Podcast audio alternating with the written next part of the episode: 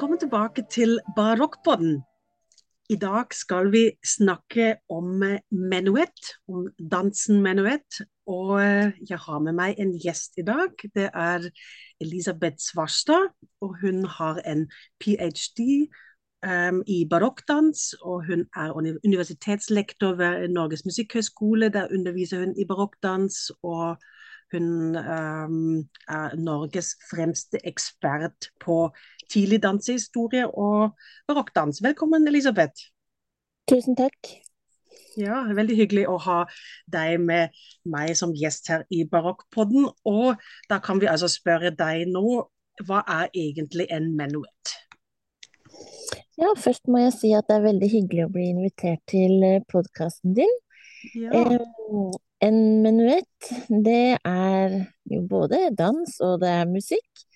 Og så er det jo koblingen mellom de to eh, som jeg er så opptatt av å eh, jobbe med og informere om, at eh, veldig mye av barokkmusikken er dansemusikk. Og menuetten, det var en dans som var veldig populær Eh, ved det franske hoffet og spredte seg ut til eh, andre europeiske hoff. Og eh, var den første dansen på ballet. Alle par som var til stede, måtte danse én eller to menuetter før hele ballet kunne fortsette med andre danser. Så det tok jo eh, lang stund, kanskje tre timer, før alle hadde dansa sine menuetter. Um, og det er um, også en dans som var uh, sett på som veldig grunnleggende dans, både teknisk og dannelsesmessig, fordi den uh, ble sett på av dansemesterne som den viktigste dansen å lære seg. Så når man kunne menuetten, da kunne man lære alle de andre dansene. Så menuetten var litt dronningen av alle danser? Ja, det kan du godt si. Mm. Jeg vet jo at det var en, uh, menuetten var et sånt eksempel av um, fullkommenhet og under. Og litt um, Ja, det var ganske komplisert å lære, så mange hadde um, Måtte ha veldig mange dansetimer. Så det å ha det, stemmer det? Ja, det stemmer. det er jo en teknikk hvor man danser med små trinn, og det er på halvtå og ned, og rytmen er jo viktig å få til å passe med, med trinnet, og um, også noen uh, hva skal jeg si, ornamenter og elaboreringer av trinnet fins. Og så er det jeg tror man kan si at den ble sett på som ganske sånn klassisk. At den var ren, den var eh, veldig mye symmetrisk, og et tett samspill mellom det, de to som danser med hverandre. Hvis vi snakker om eh, hoffdansen, så er jo det en pardans bare for ett par om gangen. Så mm. eh, da, eh, da var det en struktur på seks forskjellige figurer som var egentlig nesten lik, og så for alle som framførte den menuetten. Og så innafor de figurene så var det mulig å improvisere og legge til trinn, bytte ut trinn, eh, strekke den litt på lengden. Og eh, selv om den var veldig strukturert, så var den også eh, fleksibel. Mm. Det var jo interessant. Vet, vet man noe om hvor, eh, hvor, menuetten egentlig kom fra? Altså hvordan, uh, hvordan var menuettens vei da, til, til, det franske hoffet egentlig? Vet, vet, du noe om det?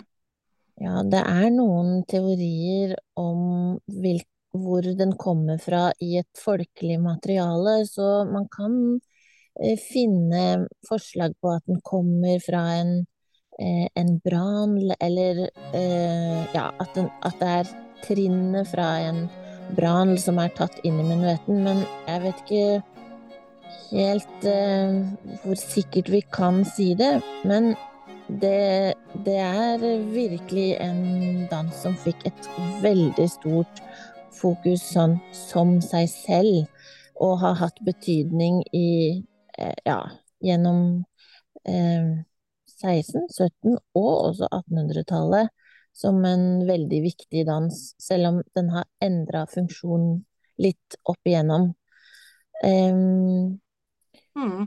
Det, vet vi noe om, om tempoet til menuetten? Altså, vi har ikke opptak fra, eh, fra barokktiden, men er det, er det, noen måte å um, noen kilder som, som, forteller noe? Det er kanskje forskjellig også gjennom, opp gjennom årene, eller kan den danses hurtig og langsomt, eller hvordan, hvordan var dette med tempo? Ja, det er et veldig interessant spørsmål, fordi det er litt vanskelig å si noe om. Men det, eh, det finnes eh, karakteristikker av eh, de forskjellige dansesatsene, og akkurat nå så husker jeg ikke helt eh, hvilke karakteristikker som ligger på menuetten, men den, den blir vel som oftest beskrevet som en verdig dans.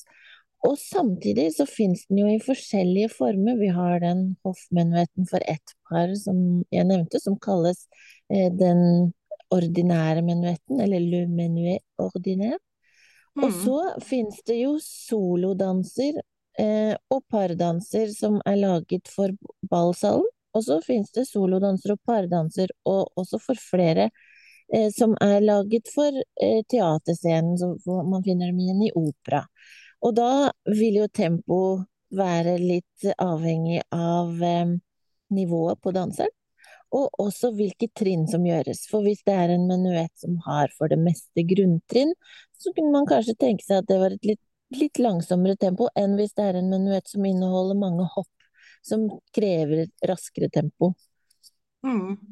Jeg har funnet noen, noen kilder på, for musikken. altså da Eh, fra barokktiden eh, noen kilder eh, som sier f.eks. Johan Matteson i 1739 sier at menuetten har en moderat lystighet. Det syns jeg er en ja, interessant liksom en sånn motsetning med, med moderat ålystighet. Og så ja. er det en eh, klaverskole fra 1789, da er det jo ganske langt inn i 1700-tallet, som sier at det er et um, dansestykke av nobel, sjarmant karakter. Så det er en, eh, blir spilt hurtig og sjarmant. Eh, men det er jo allerede da har vet, en lang historie bak seg. Da, da er det jo um, året som franske revolusjon. Ja. Mm. Ja, skal vi se litt mer på, um, på andre ting um, i menuetten. Altså Omtrent 1650 var det at, um, at, menuetten ble innført i Paris, og ble da også Ludvig den 14. favorittdans. Hva innebærer ja. det? Han tok mange menuettimer gjennom sitt liv. 20 år har jeg lest at han hadde um, menuettimer.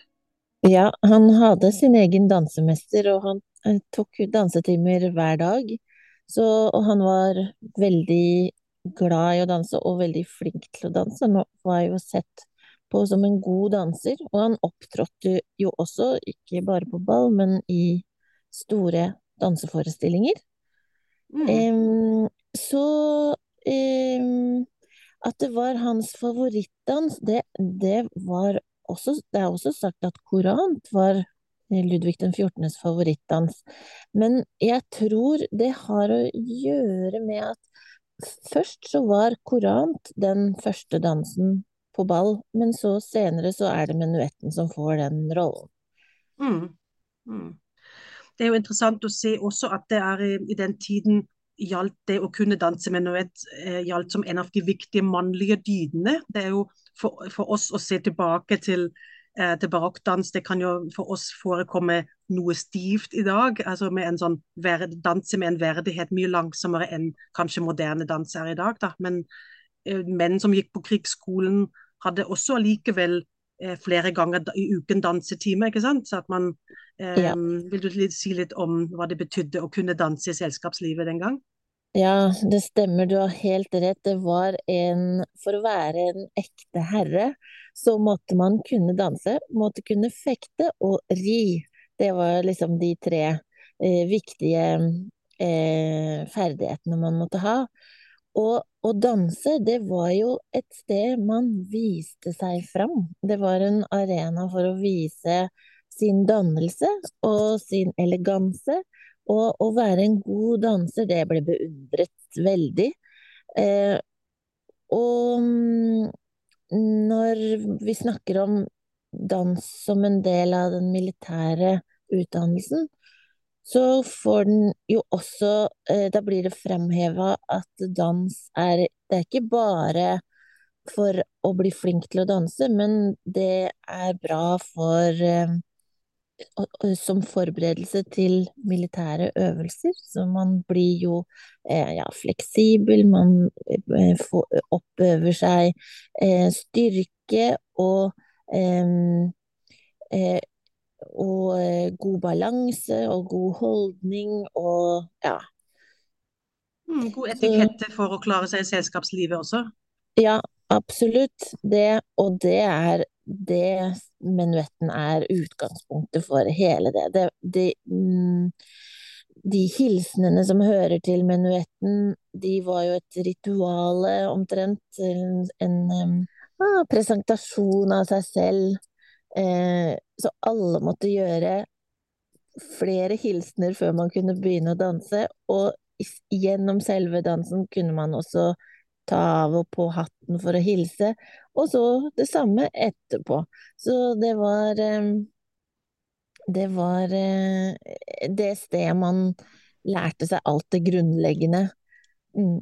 Mm, så man hadde mange forskjellige måter å hilse på. Um, sikkert en, eh, en, dame som hilste, en herre som hilste, og når man førte damen tilbake, eller man hilste i dansen osv. Det var mange, mange elegante måter å, å, hilse på. Ja, det var det, og det måtte øves på. Eh, veldig, veldig nøye øves inn. Og eh, dansemanualene fra 1700-tallet, de starter alltid med Eh, altså det er jo dansemesterne som har skrevet bøker om hvordan man skal lære seg å danse, men de starter alltid med hvordan skal du stå, hvordan skal du gå, og hvordan skal du hilse. Og hilsener, eh, som du allerede har sagt, var veldig viktig knytta til dansen, men også alle andre situasjoner i, i eh, selskapslivet og hverdagslivet. Det var egne hilsener for alt mulig. Å komme inn i et rom og gå gjennom et rom og hilse på noen som står langt unna deg, hilse på noen du står rett ved, og etter hvilken rang den personen du hilser på har. Hvis du skal mm, bruke lommetørkleet ditt, eller hvis du skal gi lommetørkleet ditt til en annen som skal bruke det, eller når du får det tilbake, f.eks. Det samme gjelder med snusdåsa, med luktevanns flaska eller med vifta, om en kvinne hadde parasoll, om hun hadde slør.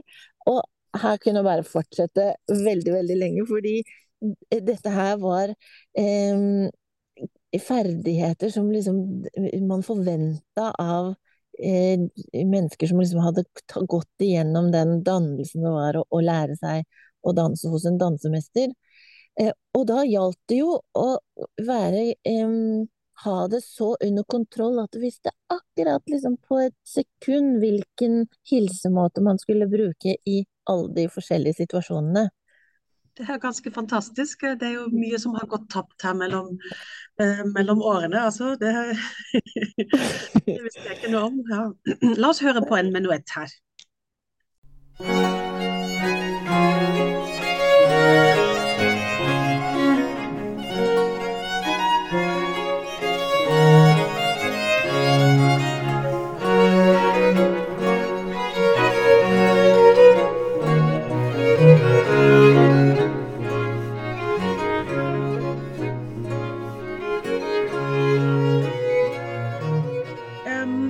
Elisabeth, eh, menuetten var altså visstnok en ganske komplisert dans å lære seg. Eh, men det var jo egentlig kun overklassen som danset det, så det var en sånn rich man's dans, egentlig. og det er mange, altså Bare de rike folk hadde jo anledning eller råd til alle disse dansetimene som måtte til. eller det, ikke alle, um, altså Fattige folk hadde jo ikke anledning til å lære seg det. Um, hvordan var det? Var det? Fantes det også varianter av um, av menuetten hos, ehm, hos fattigfolk, eller var, dette, var, det en typisk rikmannsdans som ikke andre danset? Um, du kan si at det, det, er jo et en hoffdans, så det var medlemmer av hoffet som dansa menuetten, og som tok de dansetimene, og som hadde det som sin eh, samværsform og fra oppvisningsform på ball og, og i, i um, disse her sosiale settingene på hoffet. Mm. Og så det var veldig formelt. Og um, om eh, folket ellers hadde tilgang til menuettene og dansa det, det er eh, mange ganger litt vanskelig å si noe om når vi ser så langt tilbake i tid, fordi de kildene som jeg særlig jobber med, og som vi har god tilgang til, det er dansebøkene, og de tilhører jo den kultur, hoffkulturen.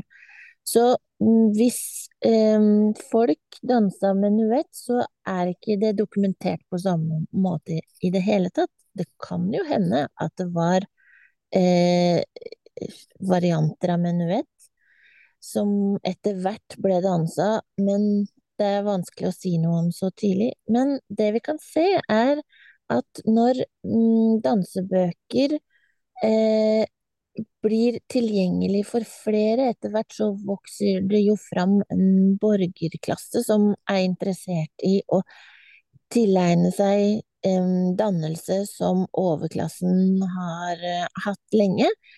Mm. Så finner vi da kommer det dansebøker mer av den typen lær deg selv å danse, sånn at man ikke må nødvendigvis ha timer hos en dansemester for å lære seg å danse menuett.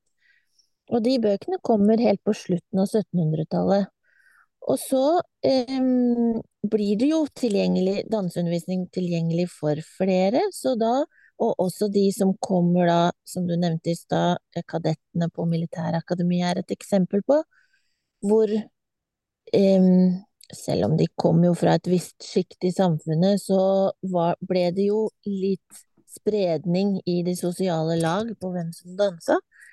Men eh, jeg tror de eh, assosiasjonene til det adelige, til det aristokratiske med menuetten har stått veldig sterkt fram til den franske revolusjonen. Og så er det noe veldig spennende som skjer med menuetten når den da, etter 1789, ikke er en balldans lenger. Så fortsetter den å leve som opplæringsdans. Sånn at dansemestere underviser, de tviholder på den dansen, for de syns den er så grunnleggende og viktig å ha, og da ser vi også i dansemanualene at det står at selv om vi ikke danser menuetten på ball lenger, så er det den dansen du trenger å lære for å få grunnlaget til å kunne danse alle de andre dansene mm. bra, mm. teknisk. Ja. Så vi har sett, til og med her i Norge, så har vi sett avisannonser der danselærere annonserer at de underviser i menuett helt opp til 1899. Det er fantastisk. Så, ja, det er veldig lenge. Ja. Men Da, da, var den nok for lengst sett på som gammeldags eh, dans. Men det var en skoledans, da, en opplæringsteknikk. Eh, mm. Men du snakket om dansebøker. Hvordan, eh, hvordan skal vi eh, forestille oss de, hvordan ser et dansebok ut? Det er måte å skrive ned eh, dansetrinn, eller hvordan, hvordan, var dette? Hvordan tegner man ned eh, dansetrinn? Ja, det er et veldig spennende mm, spørsmål. Fordi dansemanualer de kan komme i forskjellige eh, former. Eh, noen av de viktigste kildene for å virkelig finne ut noe om dansen på 1700-tallet, det er eh, de manualene som beskriver eh, dansetrinn eh, med ord. Sånn at hvis man skal f.eks. gjøre et menuettrinn, så skriver dansemesteren du bøyer knærne, du skyver høyre fot fram og går mm. og, videre uh, utover trinnet. Og det, det, tar jo flere sider å beskrive et menuettrinn på den måten. Og så ja. beskriver de varianter. Og så neste kapittel er kanskje hvordan man skal gjøre en pas de bourré, eller ja, og så.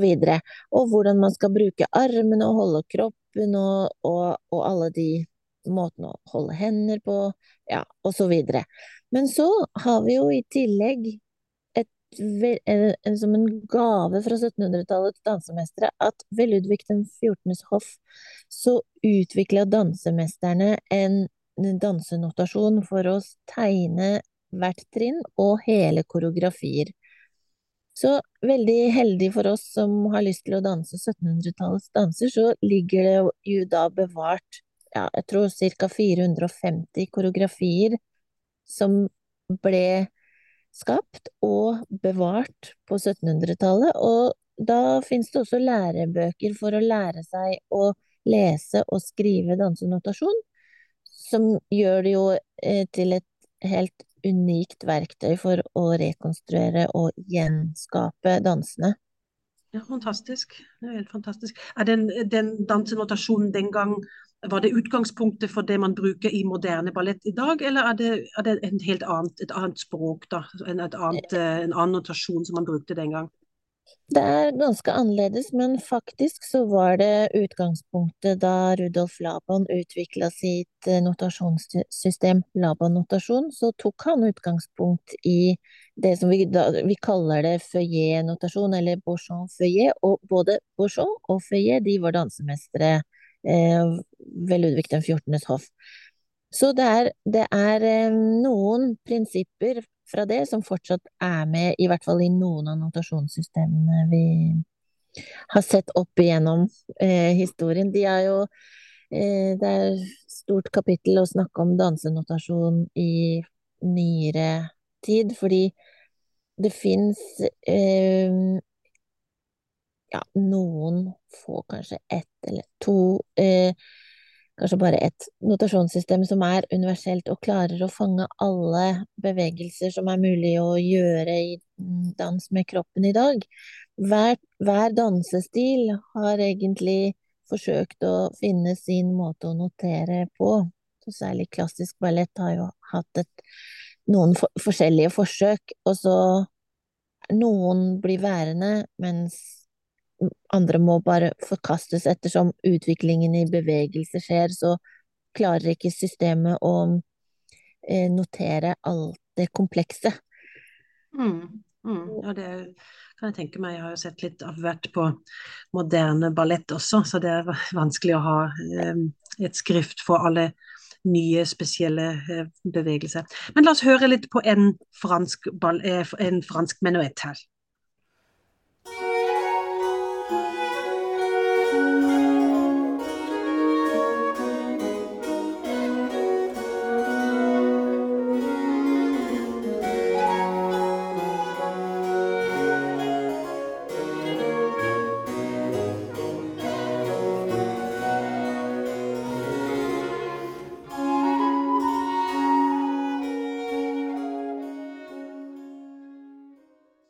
Elisabeth, vi må snakke litt om instrumentalmenuetter også.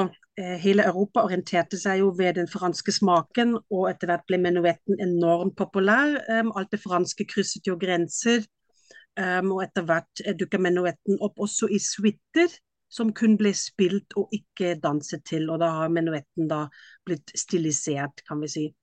Um, de som ikke vet hva en suite er, det er altså som, kanskje noe sånt som vi kaller en spilleliste i dag. Um, det er altså en rekke låter eller danser som ble spilt eller danset rett etter hverandre. Og i noen hoffer var disse suitene etter hvert standardisert. altså Det betyr at dansene kom i en bestemt rekkefølge.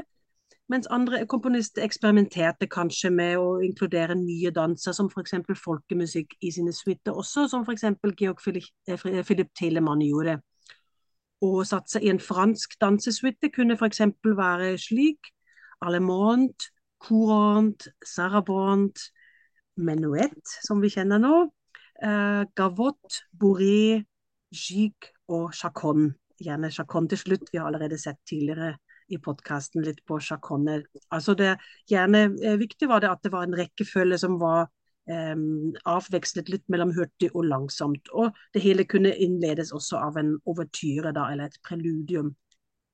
Men um, altså etter hvert ser vi også at menuetten dukker opp i, um, i Østerrike. Så den har altså da, har tiden kanskje blitt um, og plutselig har menuetten blitt en sats i symfoniene til Heiden og Mozart. Så det er litt interessant at menuetten uh, lever sitt liv både som dans og som instrumentalmusikk om hverandre, ikke sant Elisabeth? Ja, det er veldig interessant å se den utviklingen, og at den fortsetter å være såpass i sin form at man kan, når man hører disse seinere menuettene, så, så, er det, hvis man kjenner til den grunnleggende rytmen i dansen, så er det veldig lett å høre at det er en menuett. Mm. Det er på en måte en sånn eh, et menuett er et sånn perfekt lite univers, liksom. Så den har så strenge Også i komposisjonen har den veldig strenge regler, sånn som i dansen. òg. den er jo symmetrisk og har bestemt antall takter. Det er litt sånn jeg tenker av og til det er litt som et sånn sudoku, som er sånn et lite vakkert, sofistikert stykke musikk, liksom, som er sånn um, Og det har jo også Hayden sa f.eks. at um, ja, en god komponist kan du se på, på den som kan skrive en, en god menuett. Ja, det er veldig mm. fint. ja. Mm.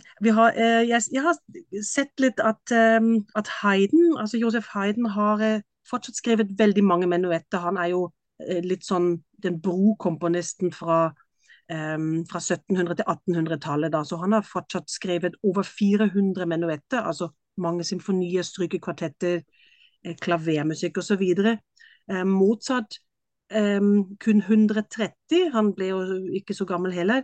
Schubert skriver fortsatt 70 menuetter. Og litt fun fact her nå, Beethoven har kun skrevet 38 menuetter. Og han har da allerede og Hayden er kanskje også mellommannen som har erstattet menuetten med scherzo. Da har altså musikkhistorien etter hvert gått videre. Men jeg tenkte jeg skulle spørre deg litt om menuettens ja, etterfølgere. Hvordan er det med Lendler og Valsen? Har de en forbindelse også med, med menuetten? Ja, det kan vi si. At uh, når uh, utviklingen går, så kan man se Lendler som et slags bindeledd uh, mellom menuett og vals. Så, og Lendler er også en folkelig dans, men den ble også stilisert og var en selskapsdans.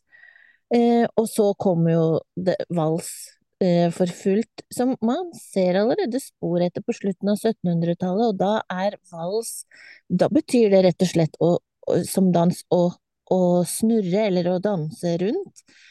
Og så er det veldig mye å si om valsen, fordi den er liksom den komplette motsatsen til menuetten. Der mm. menuetten har eh, verdighet og avstand og kontroll og alt det formelle, så kommer valsen med den um, Ja, og kun ett par på gulvet om gangen i menuett, mens uh, i vals så er det en tett omfavnelse mellom de to som danser, og så er det uh, mange par på dansegulvet på en gang, så man kan egentlig si at det er demokratiet som kommer inn på dansegulvet med valsen. Ja, interessant. Alle, alle kan danse. Mm, interessant. Jeg vil i den sammenhengen også nevne en av mine favorittoperascener fra Mozarts opera Don Giovanni, for der finnes det før pausen um, finnes det den berømte scenen hvor um, det er flere danser samtidig, som Mozart har skrevet Um, altså at det er medlemmer av aristokratien som danser en menuett, som er altså i tre fjerdedels takt. Um, mens det er Don Giovanni og Zerlina samtidig danser da en dans i to fjerdedels takt. Og samtidig er altså folk fra landet som danser en hurtig springer, som er også en sånn eh, en eh, ja, folkelig dans i tre åttendelstakt. Det er en helt fantastisk scene på slutten av første akt som jeg elsker. Jeg gleder meg hver gang når den, når den kommer. Men da ser man altså at i 1787, mer enn 100 år etter den franske solkongen, så står menuetten i Wien fortsatt som symbol for adelen. altså.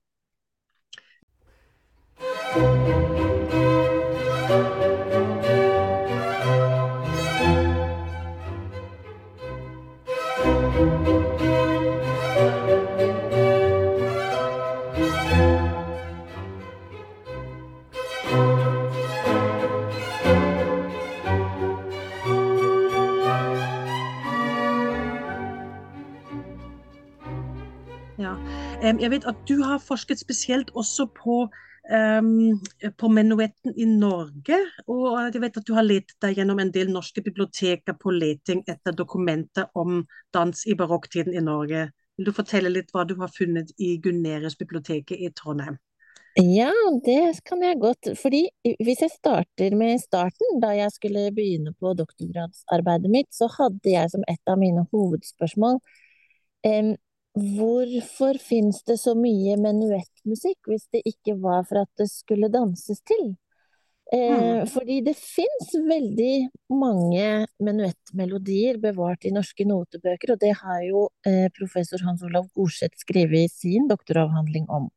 Så det var et veldig viktig spørsmål for meg. Eh, men det var ikke synlig egentlig i kildene, for i dansebøkene som er bevart i norske arkiver eh, fra 1700-tallet, de inneholder kontradanser. Altså engelske country dances eller franske contredans så på mm. norsk blir kontradanser. Så det var et lite mysterium, så jeg måtte bruke lupe, for å bruke det bildet, med å, å leite. Også da jeg begynte å studere og sammenligne kilder. Jeg brukte 17 forskjellige dansedokumenter, eller dansebøker. Og mm, da jeg kobla sammen alle de dansebøkene med andre kilder som memoarer og avisannonser og eh, andre typer altså reiseskildringer. Og jeg, jeg, gikk så bredt ut jeg kunne med hvilke kilder som kunne belyse hverandre. Da fant jeg ut at menuetten sto jo veldig sterkt også her. Men hvorfor finnes den ikke så mye skrevet ned i dokumentene her? Og noe av svaret på det kan jo være at det var så vanlig um, at det ikke behøvde å skrive det ned. Eller så fins det også uh, noen setninger i en eller to bøker om at ja, menuetten, den må man gå til en dansemester eller danselærer for å lære seg. Så den, um, den uh, var der, veldig klart. Men hvis man bare ser nøye etter, så finner man alle de små sporene på at det faktisk var en dans som var forventa å lære seg her. Og tilbake til det med militærakademiet og utdannelsen for kadettene der, så har jeg sett av eh, studieplanene deres at hele det første året så hadde de undervisning i minuett flere ganger i uka. Det er veldig interessant. ja, det var en grunnleggende og viktig del av dannelsen. Men så spurte du om hva jeg fant på Gunerius-biblioteket, og det er jo ekstra gøy, fordi jeg hadde hatt i mange år, så hadde jeg tenkt, eh, da jeg begynte å studere den franske dansenotasjonen, og eh, tenkt at tenk om det fins eh, noen kilder på det i Norge? Det har vært eh, liksom en liten drøm for meg å, å finne det. Og det var akkurat det som skjedde på Gunerius-biblioteket, ganske liksom en stund ute i eh, undersøkelsene mine til doktorgradsarbeidet. Så fant jeg et dokument som inneholder dansenotasjon, eh, den franske feuillet-notasjon. Ikke en hel koreografi, men tross alt posisjoner og eh, fine elementer. Og menuettfigurer. Så det var en eh, god dag på jobben. Ja, fantastisk. og de er skrevet ned av Kristoffer eh, Hammer. Det er han med akevitten og poteten. Eh, hvis du har hørt om, om, at han eh, skrev en um, avhandling om poteten i Norge. Nei, det er en helt annen jeg vet ikke om det. Egentlig. Men han, da han eh, var i utdannelse, så tok han en sånn eh, utdann, adelig utdannelse ved akademiet i Sorø. Og mens han var i Danmark og fikk den utdannelsen, så tok han da en dansetime eller flere. Eh, og i, på, i den dansetimen så tok han noen notater, og det er hans not håndskrevne notater da, med penn og ganske slurvete skrift og sånn, der har han notert eh, noen figurer og symboler i fransk dansenotasjon. Og Fra hvilket år er det vi snakker om da? Fra hvilket år er disse Ja, da er det ca. 1750-51 anslår man, eller kanskje 1753, for han, han har også kjøpt seg en dansebok eh, i København. Den er datert eh, at han kjøpte den i 1753, da. Som han har tatt med seg hjem til Norge og eh, hatt i, sin, eh, i sitt bibliotek. Og så var det Kristoffer Hammer som donerte hele sin boksamling til eh, eh, Det vitenskapelige selskapet i Trondheim. Og da ble det grunnlaget for Universitetsbiblioteket i Trondheim. Ja, fantastisk. Dette er jo um, interessante kilder her. sånn at vi Vet vi noe om, om, om Oslo også, om det, eller Kristiania? Om det blir danset menuett her, eller er det Ja, det eneste. Vet ganske mye om det, fordi her var det jo også aviser, så vi kan se unnskyld, at eh, dansemestere annonserer at de skal holde danseskole eller dansekurs. Eh, eller så tilbyr de seg også å komme hjem til eh, velstående familier, kunne få en dansemester hjem til seg som kunne gi privattimer til, til barna og unnskyld, barna og de unge, og mm, også voksne kunne ta dansetimer. Og da skriver de veldig ofte i annonsene sine for å som, gjøre god markedsføring, så skriver de underviser i de nyeste variasjonene av menuett fra Paris, fra Frankrike. Mm. Ja, fantastisk. Og, og hvilken anledninger ble da eh, menuettene danset i Norge? Altså var det, det fantes baller også? Det Um, fantes ball. Flere mhm. ganger i uka var det ball, så da dansa de menuett. Eh, Mm. og andre danser, men jeg tror nok menuetten var veldig viktig eh, også her eh, hele 1700-tallet, egentlig. Mm, helt fantastisk. Men Elisabeth, um, dette, i dag har vi lært mye nytt om menuett, uh, inkludert meg selv. Dette var veldig interessant. Så jeg tror vi avrunder med å høre en, um, enda en menuett av Josef Heiden. Uh, for han har skrevet mange fantastiske, også noen med innslag av eh, ja, musikk som var kanskje fra, fra Ungarn. La oss høre på en til å avslutte. Og så vil jeg gjerne takke deg for eh, fantastisk kunnskapsrik eh, innslag i dag. Så takk at du var med meg i dag. Tusen takk for at jeg fikk være med.